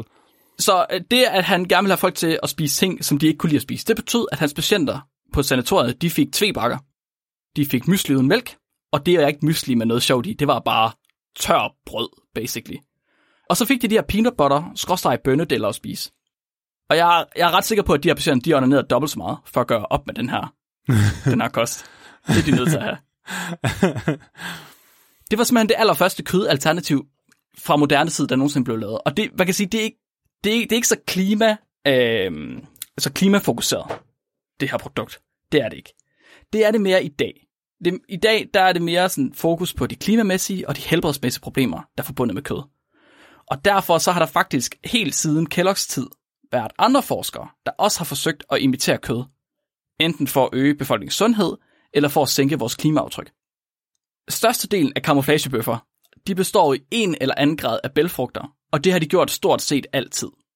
Og det gør de, fordi ærter, bønner og linser, de er nogle af de mest, altså nogle af de eneste plantefødevarer, der kan komme bare den mindste smule i nærheden af kød, når vi taler om proteinindhold. Mm. Right? Så det er derfor, det, bælfrugter, de er en af de plantevarer, eller plantefødevarer, der har det aller, aller, aller største proteinindhold. Ja. Og det er vi nødt til at skal have, specielt hvis det er, at vi skal efterligne kød. Ja. Øh, men jeg ved ikke, om du eller om nogen af lytterne derude, de nogensinde har prøvet et af de der tidlige kødalternativer. Altså, jo, jeg har prøvet tofu. Ja, men ikke tofu. Jeg tænker mere sådan en plantedel fra 90'erne eller fra 0'erne. det tror jeg ikke. Altså, jeg, øh, første gang, jeg blev introduceret for dem, det var, øh, det var min nuværende kone for syv år siden. Mm-hmm. Der synes jeg, det smagte meget godt. Det var sådan noget med Okay. rødbede og alt muligt. Okay. Fordi øh, da det blev, da det blev startet med ligesom at blive produceret, der var det meget i nærheden af det Kellogg's han også lavede. Ja. Og det man, det man fik, når man købte sådan en plantedel, øh, det var generelt sådan en grøn, grålig, masseproduceret disk. Mm. Frossen, lignede noget, der skulle frityresteges, før det nogensinde kunne spises. Har du fået en? Øh, nej, ikke en af de originale, som man siger det på mig. Nej. Jeg tror ikke, jeg er gammel nok til at prøve det. Nej. Og mine forældre, de var jøder. Ja. Øh, ja, og, og hvis det er ligesom det, man ser foran sig, de her grøngrålige diske, så er man ikke helt ved siden af. For når man forsøger at lave produkter af grøntsager, så får man alle grøntsagernes egenskaber med. Altså hvis ikke man fjerner dem i hvert fald. Ja. Det betyder både, at smag og farve og lugt og indhold, det alt sammen ryger med over i disken og ned i din mause. Mm-hmm. Og det er ikke forfærdeligt mange mennesker, der har lyst til at stoppe en hockeypuck, der lugter af gammel broccoli, ind mellem to stykker brød og så ned i mausen. Kun hvis man er øh, adventist. Hvis, kun hvis man er adventist. Jeg tror Ja. faktisk måske, han synes, at det er lidt for godt. Det er lidt for meget. Ja. Lidt for stor en smagsoplevelse. Der mangler peanut butter. Ja. Det tror jeg. Aske. Men et helt andet problem, det er ikke, hvordan de ser ud, de her produkter. Det er også, hvordan de opfører sig nede i mausen. I forhold til kød. Hvis nu du skulle bytte alt det kød, du spiser, Flemming, med bønner, hvad forventer du så, der vil ske? Jeg vil, jeg vil nok få lidt luft i maven, tror jeg. Du, du tror, du vil få lidt luft i maven? Ja. Ja, og de er jo heller ikke gået forskernes næser forbi, at øh, Flemming han får lidt luft i maven. Er det, lugter de så slemt, at øh, forskere, forskerne har opdaget det? Det, det gør de simpelthen, forskerne de har opdaget det, og det har faktisk været et forskningsfelt helt siden øh, 80'erne. Og det er derfor, der er biologer, der følger efter mig. Faktisk endda øh, endnu tidligere, jeg tror endda 70'erne. Det, er, det har simpelthen været et forskningsfelt at forsøge at fjerne prutter fra bælfrugter. Nej. Jo, simpelthen. I 1982, der skrev S.E. Fleming, eller Fleming, som jeg går ud fra er dit alter ego, når du en Ja. dag finder ud af at rejse Ja. tilbage i tiden. Ja. Han, han skrev en artikel med titlen Prutteaktiviteten af glatte grønne ærter. Helt almindelige ærter, du kan gå ud og plukke ud på marken. Hvor meget får dig til at prutte? Ja. Og der har han simpelthen taget og, øh, et hold rotter, og så har han stoppet dem ind i et lufttæt kammer. Og så har han fodret dem med ærter, og så har han målt mængden af brint inde i det her lufttætte kammer. Prøv at se, hvor meget de pruttede. Han ville simpelthen se, hvor meget de pruttede. Ja. Simpelthen. Og så kunne han jo simpelthen måle på den her mængde af brint, der akkumulerer sig inde i kammeret. Og Fleming han opdager så, at øh, for det første så rotter de prutter ret meget, specielt når de får ærter. Øh, men også, at mængden af prutter, den er afhængig af, hvilken del af ærten de spiser. Hvad? Du kan ikke, det, er ikke, det er ikke ligegyldigt, hvilken del af ærten du spiser. Du ved, der er en, der er en skal, en yderskal, og der er noget inde i, øh, jeg, jeg tænker, man også kalder det for endosperm. Ja. Og han fandt simpelthen ud af, at hvis rotterne de indtog den her meget fiberrige cellevæg, altså den skal der er udenom ærterne, Ja. altså pruttede de mere, end hvis de Hva? bare spiste det indeni. What? Ja. Det, er, det er vildt underligt.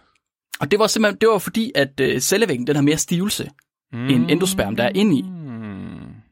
Ja, og han fandt ikke bare ud af det her, han fandt også ud af, hvordan man fik for separeret stivelsen fra ærten, og så kunne han på den måde få oprenset de her oligosaccharider, altså stivelse.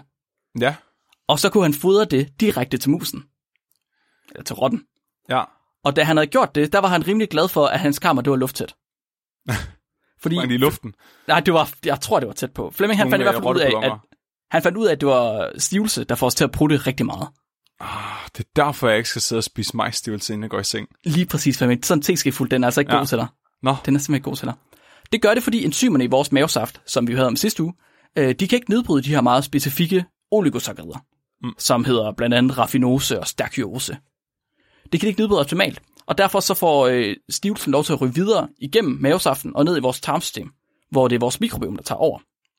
Og alt efter hvilke bakterier du har i det mikroom, øh, mikrobiom, så gør de, hvad de kan for at fermentere den her stivelse, ved enten at lave CO2 eller metan eller svovlgas. Altså, prutter. rotter. Prutter. Gode gammeldags æggeprutter. I 2011, der var der to forskere, Donna Winham og Andrea Hutchins. De valgte at spørge deltagerne, øh, deltagere, der var med i et studie om bønders effekt på hjertekarsygdom, hvordan de havde det hver de uge havde det. i 8 uger. Ja. Ja, det var deltagere, der, øhm, der var med i et studie, hvor de ligesom prøvede at se, hvis nu de spiste rigtig mange bønner, havde det så en effekt på deres øh, hjertekarsystem, simpelthen. Mhm. Havde de bedre blodomløb, og var, havde de mere kondi og sådan nogle ting. Ja. Donna og Andrea, de spørger jo specifikt ind til deres tarmsystem. Det er klart. De er jo ikke så interesserede i de her hjertekarproblemer. Fordi de er rigtige forskere. De ved, hvad der er interessant, Flemming. Ja.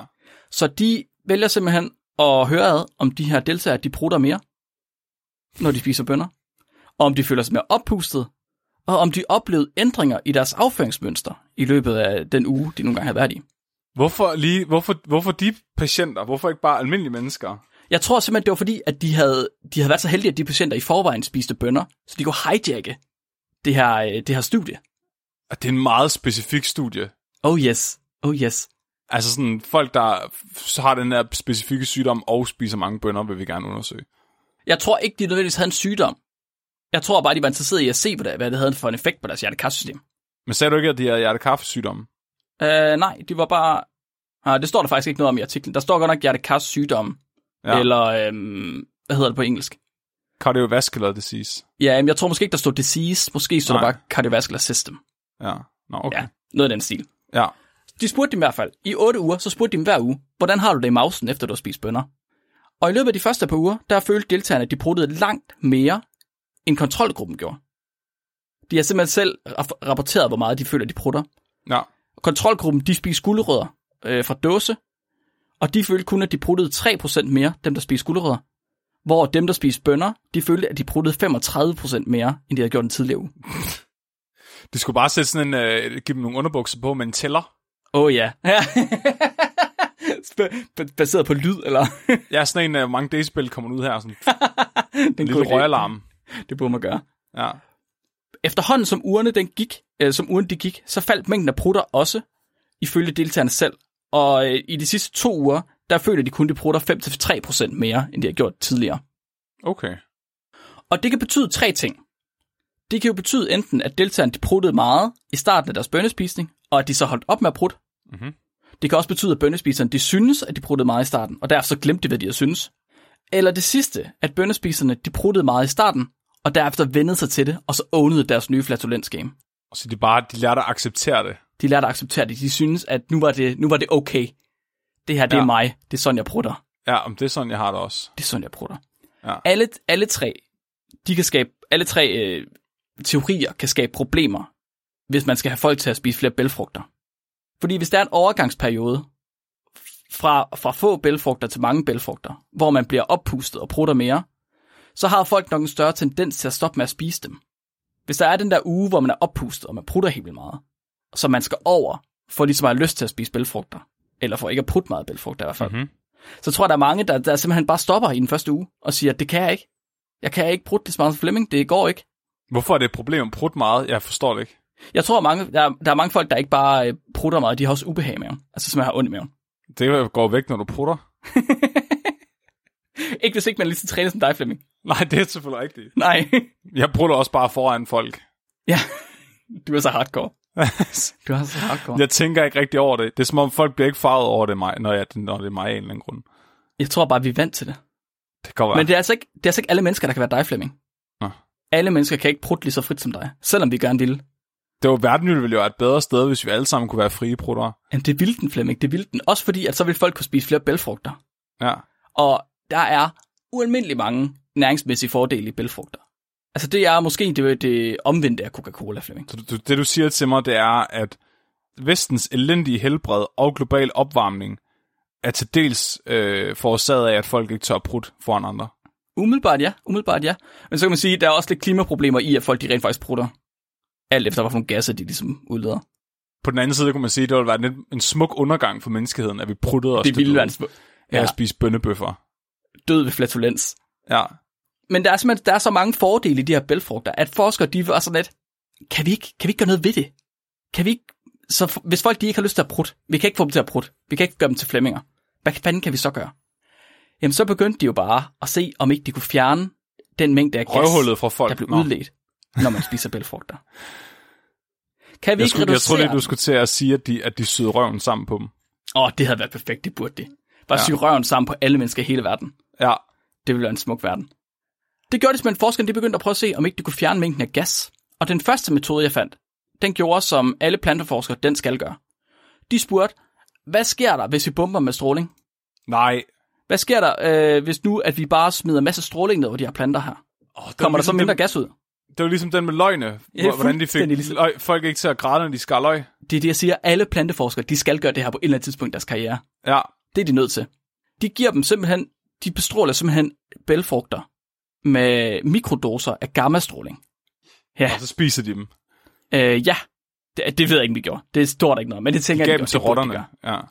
Ja, de, de testede i hvert fald, øh, hvor meget stivelse der var i dem, og de fandt ud af, at planter de akkumulerede mindre stivelse, når det var, at de var blevet doseret, altså blevet bestrålet med gammastråling. Nej.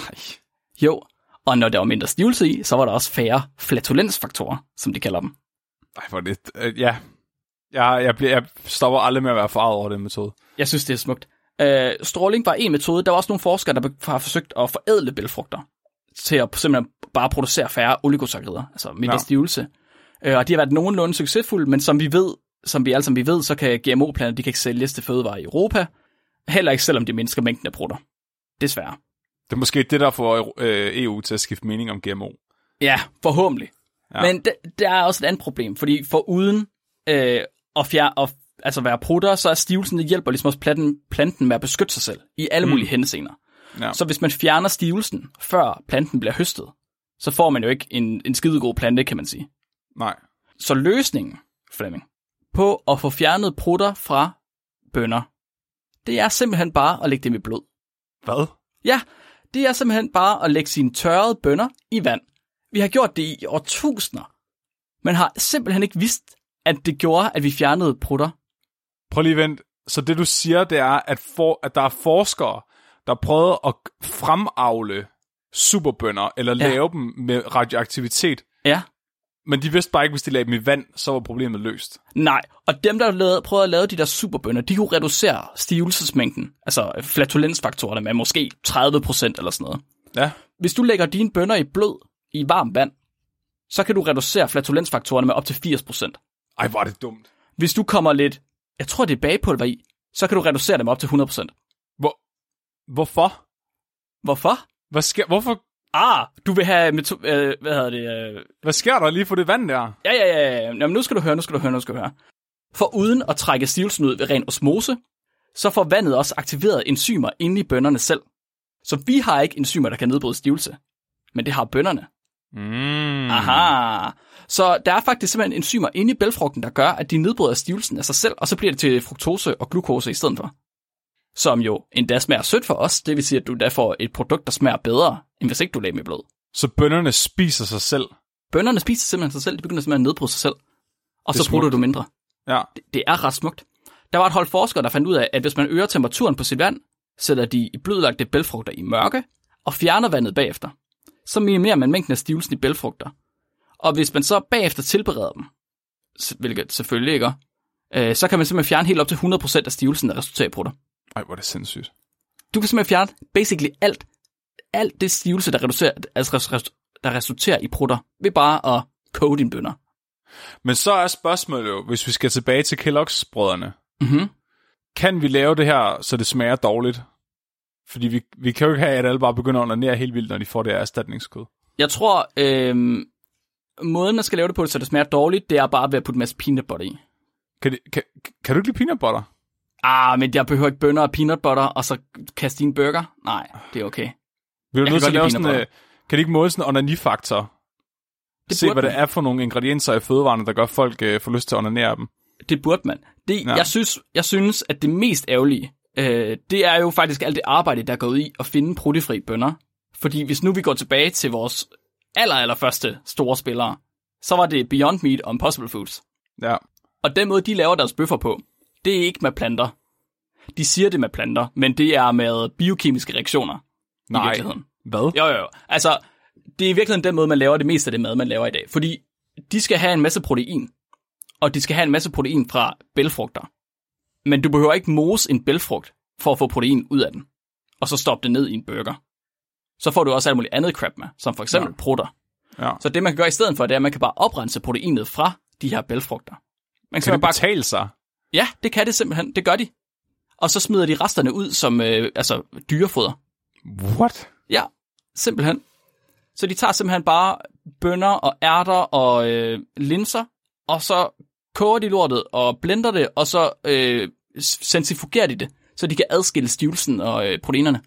Og så oprense de Det, proteiner. er, det er ret, det, vidste, jeg, kunne- det er ret sejt, faktisk. Det er ret sejt. Det er det samme, de gør, at de bruger kartoffelstivelse i stedet for, til, som stivelse i bøfferne. Mm. Simpelthen. Og så bruger de øh, kokosolie som fedtstof. Da vi Det er har, ret imponerende, hvad de gør. Øh, Tyson spørger, hvorfor man ikke bruger kartofler, når de er fulde af stivelse, faktisk. Fordi det er, stivelse, det er stivelse, vi godt kan nedbryde. Okay.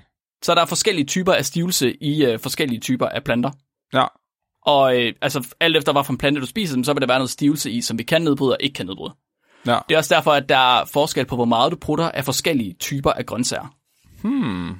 Og lige præcis i øh, bælfrugter er der så rigtig meget stivelse, som vi ikke kan nedbryde. Det er pudsigt. Jeg har fundet ud af, at jeg prøver helt ustyrligt af at drikke øl. Hvad? Hvis jeg drikker øl, så skider jeg bare konstant. Det er virkelig spøjst. Der er også nogle af de prutter, vi prutter, det er ikke gasser, der bliver lavet i tarmen. Det er simpelthen ved, at man sluger luft.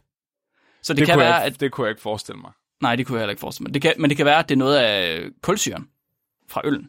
Og fordi jeg, jeg står og slubrer al luften ind. Flemming, den er tom. Nej, nej. Stop nu. Flemming, du skal, altså, det er ikke skummet, du skal drikke. Det er øl, du skal drikke. Nej, skummet er det bedste ved en øl. Ja. Jeg spiser det, det med en ske. Altså, det synes de jo i Japan, der. Ej, det er fandme mærkeligt. Der skænker de jo ølene specifikt, så at de er altså 50% skum. Køb sådan en, øh, en ølkop med, med, med sådan en lille håndtag på, så du kan få den til at skumme, efter skummet har lagt sig. Hvorfor vil man have det? Fordi de kan jo ikke Jeg forstår det simpelthen ikke. De er jo allergiske over for alkohol, størstedelen af dem jo. Ja. Jeg synes, det er mærkeligt. Så der er altså rigtig, rigtig mange forskere og innovatører, der har brugt en karriere på at lave proteinfri kikærter til bøffer, der nok ikke længere har et mega stort arbejdsgrundlag. Fordi det har Beyond Meat og Impossible Burger bare kastet Ups. lige ud af verden. De bliver erstattet af vand. De er blevet erstattet af vand. Ja. Men hvis nu, at I sidder derude og tænker, at det kunne jeg sgu da gøre bedre, øh, så har jeg fundet nogle patenter, som jeg har lagt op på vores Facebook-gruppe, øh, som er udløbet. De er udløbet simpelthen for et par år siden. Og Nej. det er patenter til metoder og maskiner, som man kan bruge til at fjerne prutter fra bælfrugter. Så øh, jeg synes, hop ind på vores Facebook-gruppe og kig på de patenter, og så start en virksomhed. En. Ja, prutestøvsuger, og så sponsorerer jeg os jo bare, når det er, I får penge nok. Jeg vil jo gerne have procenter. Så øh, det var simpelthen øh, historien bag kødfri kød, og hvordan at vi laver proteinfri bælfrugter. Sikke en rejse, sikke en rejse. Åh, ja. Jeg synes, Så vi jeg, jeg kørte helt ned i afgrunden af, hvordan vi alle sammen skal dø, og så prøvede du ligesom at hive os lidt op igen bagefter. med prutter. Ja. Jeg synes, det er meget smukt. Det er Altså nu, en, en smuk jeg, jeg har lyst til grøntsagsfrikadeller nu, vil jeg sige. Mm. Åh, oh, jeg kan virkelig godt lide grøntsagsstiller. Hvad, hvad med dig, Mark? Har du lyst til sodavand nu? Nej, Nej. Er, Jeg har... har- du, drikker du egentlig sodavand? nej. Jeg Jeg drikker har, heller øl. aldrig, jeg har aldrig set dig drikke sodavand, faktisk. Åh, en enkelt gang eller to, tror jeg. Har det? Ja, det tror jeg. Men sådan efter en, øh, efter en hård bytur. Ja, så lige kom Der- en, en starter. Ja. ja, der er sådan en kold, kold cola med cancer. Den er altså god. Ja, Det, det kan man godt bruge. Men ellers så drikker jeg mest bare øl. det er også smukt. Det er, Det er- sundt. det er lidt Alle, al videnskaben peger på, at Classic er sundt. Ja, det al videnskab, citeret videnskabeligt udfordret. Ja, lige præcis. Jeg vil godt... Øh, jeg har, vi har fået stillet et lytterspørgsmål, Flemming. Og jeg synes, det er ualmindeligt relevant til vores emne i dag. Så det er Alberte Udental, der skriver ind til os. og Hun spørger, hvor meget mad går der til spilde hvert år, fordi man fjerner madrester fra tænderne med tandtråd? Altså, der vil jeg sige, der er jeg, øh, der er et godt eksempel på Er du- øh, er du- fordi- klimavenlig. Skal du, skal du høre, hvad hendes... Øh, hun har et enkelt kriterie for Ja. sit spørgsmål. Og det er, hvis man vel og mærke spytter resterne ud, i stedet for at sluge dem. Jeg, jeg er endnu længere, Mark. Jeg Er du endnu længere? Jeg, jeg bruger slet ikke tandtråd. Det er fa- ja, nej, det tænkte jeg faktisk næsten nok, Flemming. Jeg har aldrig nogensinde brugt tandtråd, og hver eneste gang jeg er til tandlæge, så er tandlægen bare sådan, hold da op, hvor har du flot tænder. Det nægter jeg simpelthen tro på. Altså, okay, de, de er skæve, og de er gule, ikke? Men de fejler fandme ikke noget. Jeg har Du ikke er- et eneste hul i mine tænder. Du er, ja, det er fandme, det er kraften så typisk dig. Du kan bare bullshit dig gennem livet. ja. Mine tænder, de sidder så tæt sammen, at jeg kan ikke bruge tandtråd. Det er en dårlig undskyldning. Det er bare at gøre det to gange. Ja, men så laver du mellemrum, og så kan der komme alle mulige pister ind. Det er sådan, der går Ah. hul. Nah. Så du tænker at virkelig, du skal bare have et, et helt lige sæt tænder, uden mellemrum imellem tænderne. Bare én tand i virkeligheden. Altså, jeg vil bare gerne have nogen, der er lavet ud af guld. Ja, det er faktisk en god idé. Altså, det var gammel tåsinge-tradition, at du fik et par et gebis i uh, konfirmationsgave. Ja, ja, ja. Det er jo en gammel tradition i Danmark. Ja. Ja. Men øh, ja. Jeg Men hvor meget, bruger mad, ikke tandtråd nogensinde. Aldrig. nej, hvor meget mad tror du, der går til spil, når folk de simpelthen spytter maden ud, når de bruger tandtråd? Det kommer fandme an på, hvad for nogle tænder du har. Gør du det hver dag? Nu skal vi lige, nu skal vi lige øh, prøve at regne på det her. Okay, fint nok. Hvor meget skidt vil du... Nu bruger du tandtråd, Mark. Ja. Hvor meget skidt vil du sige i gram, du kan finde mellem dine tænder? Altså, er det et halvt gram, måske? Hver gang man gør det? Og, og hvor mange gange gør du det om dagen? To? Nej, en. Så et halvt gram om dagen, ikke? Ja. Så det vil sige 182,5 gram om året for dig. Gange med antallet af mennesker i verden, der bruger tandtråd. Kan man google sig til det? Det er et godt spørgsmål. Og jeg får 31,6 procent. Okay, den tager vi. Vi tager det laveste estimat. Okay. Og hvor mange mennesker er der i verden, Mark? 6 milliarder. 37 procent af det. 2,2 milliarder. Det er øh, øh, 4 millioner... Nej, 401,5 million kilo. 401,5 million kilo mad. Hvad er det i tons? Det er måske lidt nemmere at 400.000 forholde sig- ton. Ja, f- 401,5 ton mad. Nej, 401.000 ton. Ja, 401.000 ton. 400.000 ton mad. 401.000 ton, ja. 400.000 ton mad. Jeg har en idé om, vi har regnet en lille smule forkert. Det har vi absolut ikke. Det kunne jeg forestille mig. Det er rigtig, rigtig meget mad. Hvis det er sandt, så øh, tror jeg, vi har en løsning på alle verdens klimaproblemer lige der. Bare spis maden på din tandtråd. Men det er jo så om året. Ja. Vil du have den daglige? ja, kom med en daglig. Det er så øh, øh, 1 ton og 100 kilo om dagen. Ej, det er alt for meget. 1,1 ton om dagen. Jeg nægter simpelthen at tro på, at verden de smider 1,1 ton mad ud. Hvis der er 2 milliarder gange et halvt gram, Ah, måske det er halve gram, måske er det bare for meget. det går et halvt gram. Det kommer an på, hvor stort mellemrum du har mellem tænderne. Jamen, det er også rigtigt. Og jeg tænker, hvad nu, hvis der sidder sådan et stort stykke spinat? Altså, Det er rigtigt. Eller et stykke øh, et knogle, eller øh, knogle mellem tænderne. et gedeøje. Man kan godt høre, at du ikke bruger tandtråd. Ja. Åh, oh, det er mange høns, faktisk. Det er rigtig mange høns. Hver eneste dag. Det er lidt tank. Fy Må, for folk må sluge den mad, de ud mellem tænderne. Det er simpelthen noget syneri. Ja, det er faktisk noget svineri. Vi kan godt Ja. holde op med at spytte det ud i vasken nu. Det behøver ikke være så sart, bare fordi det kommer ud af munden igen. Det var det har lige været derinde. Det er sgu da din egen mund for helvede. Ja, øh. Jesus Christ. Det er dig, der er klam. Så øh, jeg håber, du kan bruge det svar til noget, Alberte. Det, øh, og hvis du selv bruger tandtråd, så lad være med at spytte maden ud. Det er en rigtig dårlig idé. Det er nok, Ba- Bamse skriver, at vi har glemt at tage højde for, at der, der er også nogen, der sluger maden jo. Ja, okay, så det her det er worst case scenario. Ja. Ja, ja, ja, det er rigtigt. Jeg tror også, der er virkelig mange af de her spørgeskemaer, der siger, at de bruger tandtråd, selvom de ikke gør. Det tror jeg også. Ja. Det tror jeg også. Jeg tror, der er rigtig mange, der bare bruger, du ved, klipper en negl af og bruger den i stedet for.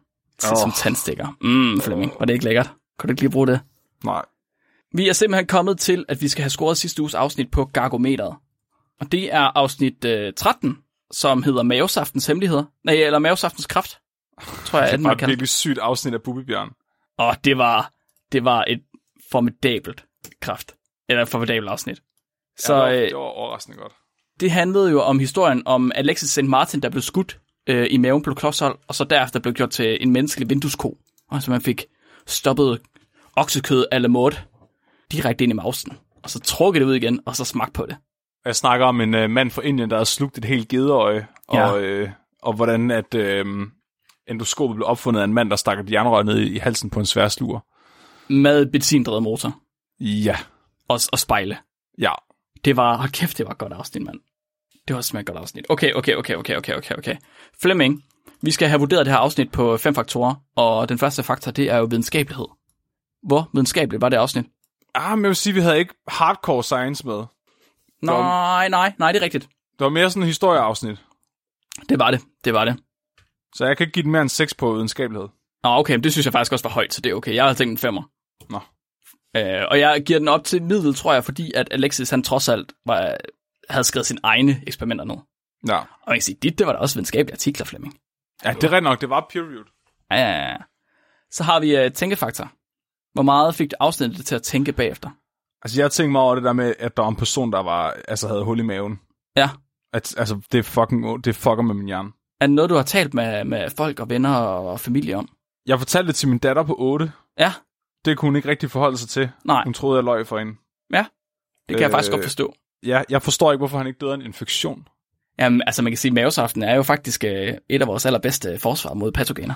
Ej, men alligevel, der har jo ikke været mavesaft over alt det der hul der. Smurt hver eneste dag. Ja, ja, men prøv at tænke på, hvis du løber ud, dør han så, ligesom sådan en øh, kødende plante, hvis du tømmer bælgen, ikke sådan færdig. Det er faktisk et godt spørgsmål. Ej, han bliver ved med at lave mere, tænker jeg. Ja. Det fucker, det fucker. Jeg, jeg, vil, jeg vil gerne give den 9, før jeg tænker ret meget over det her. Okay, okay, okay, okay, okay. Jeg er oppe på, øh, ja, på en syver, tror jeg. Det er sådan, det har været okay til... Ja, jeg tænkte nogen over. Ja. Men fjollefaktor. Altså, det... Altså, jeg er på en, jeg er på en 10'er. Den, der var ikke høns med. Ja, Den, det er altså... den, den får 9 herfra. Ah, med Flemming.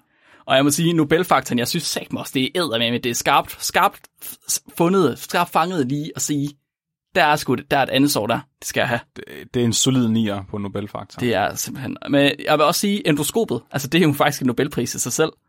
Og den så bare er blevet brugt til så mange åndssvage ting på én gang. Ja, Det synes jeg faktisk... Jeg, altså, jeg, jeg overvejer lidt at kaste op på en 10'er. der er ikke høns med, Mark. Det, juridisk set kan du du ikke. Simpelthen, du er kraften med den værste. Der var en ged med. Det, er, men det er ikke en høn. Hvad så med læringsfaktor? Hvor meget har du lært? Jeg, jeg har lært øh, af, at man ikke ser bedre af at sluge gedeøjer. Ja, Så ja, den, øh, jeg kan godt give den 8 på læringsfaktor. okay, okay, okay, okay. Jeg har lært, at øh, mavesaft smager surt. Ad. Og salt. Lærte Åbenbart. du ikke det, dengang du var på Crazy Daisy sidst? Øh, Nej, dagen efter. ja. Øhm, ja, ikke fordi jeg har lært sindssygt meget, den tror jeg ikke. Jeg tror måske, den er nede på en femmer. Ja. Ja. Alright, jamen det giver jo en øh, score på 74 for mig. Og så tror jeg, at Flemmings var en lille smule lavere, så jeg kan tage fejl. Alrighty, og 74, det er sådan en relativt høj score. Det er lige, det er på samme øh, niveau som den værste måde at dø, og ikke gøre sexbørn, hvor Flemming han snakkede mm. om herpes i en halv time, ja. og hvordan den gav superkræfter. Hvordan herpes er kroppens udgør af Valhalla. Ja. Sygt sagt. Okay. Øh, næste uges afsnit. Det er et afsnit, det er et emne, der er sendt ind af Frederik Bartoldi, som vi meget, meget snart kommer til at lave et afsnit sammen med, forhåbentlig, om mikrobiomer. Men næste uge, det skal handle om mysterier løst af videnskaben. Mm. Der er simpelthen der er øh, en algoritme fra Frozen, der har hjulpet til at løse et mysterie om ni studerende, der døde i en bjergulykke for lang, lang tid siden. Det skal vi dykke ned i, og så skal vi have kigget på starten på Body Farms, som er lige præcis, hvad I tror, det er. Og, Nå. deres, og deres brug i efterforskning af politiet. Body Farms. Body Farms. Og, det, og jeg siger, at det er en videnskabelig institution, Flemming. Der er lige præcis, hvad du tror, det er. Jamen, jeg, jeg glæder mig. Det bliver, det bliver simpelthen så godt. Er der noget, øh, folk de skal huske at gøre, Flemming? Jamen, øh, I kan købe noget merch, hvis I har lyst. Mhm. Eller faktisk, I, I, uh, I skal købe nogle penge til os. Vi har en uh, webshop. Den hedder bit.ly-vu-shop. Yes. Og der kan I øh, købe øh, nogle rigtig flotte trøjer med vores logo på. Og overskuddet går ubeskåret til, at jeg kan give øh, Nikolaj noget frisk halm i hans bur. Hvornår har han Og- sidst fået friskhalm? Øh, jamen, det skulle han have haft de sidste måned, men så kommer jeg til at bruge pengene på en kazoo. Nå, jeg kan godt se. Hvor dyr var Jeg den? har lidt mine øjne på en koklok, men hvis at der bliver solgt nok t-shirts, så kan vi måske have råd til begge dele. Okay, både halm og, og k-klok. Ja, jeg tænker, fordi vi vil egentlig gerne have haft ham med et afsnit, men der lugter simpelthen for meget ud, når han ikke har fået noget frisk halm. Så det, det jeg gider af, at det, er, det er udelukket indtil da. Ja, man kan lugte det igennem mikrofonen. Det er faktisk Ja. ja. lidt ubehageligt. Ja. Ja, okay. Jamen, det vil jeg håbe, vi gør så, så vi kan få Nikolaj med et afsnit igen, og så han kan lugte lidt mindre af det, han lugter af. Og ellers så er vi nået til øh, dagens afslutning, og dermed dagens dyrefakt. Er du klar til den, Flemming? Bring it, Britney. Dagens dyrefakt er sendt ind af Lukas Sandkilde. Og Lukas han skriver, der er ikke noget, der er en fisk. Hvad? Videnskabeligt set, så er der ikke noget, der er en fisk. Det forstår jeg ikke. Så øh, der var en, en meget, meget kendt evolutionsforsker fra 1940'erne, og så helt frem til årtusindskiftet, hed Stephen Jay Gould, som øh, forskede i evolution af alle mulige mærkelige dyr. Og han fandt ud af, at fisk, konceptet fisk, det er ikke mere end et praktisk paraplyterm til at kunne beskrive alle vandlevende vivldyr, der ikke er et pattedyr, eller et reptil, eller noget som helst andet. Hvis man klumpede alle fisk sammen under det samme term, så ville det svare til at tage alle flyvende vivldyr, altså flagermus, fugle og det flyvende fireben, og kalde dem for fugle, bare fordi det flyver. Fisk Flemming, findes ikke, folkens. Der, der er ikke noget, der er en fisk. I hørte det her først. Mit navn er Mark, Mit navn er Flemming. og du er blevet videnskabeligt udfordret. Husk at være dum.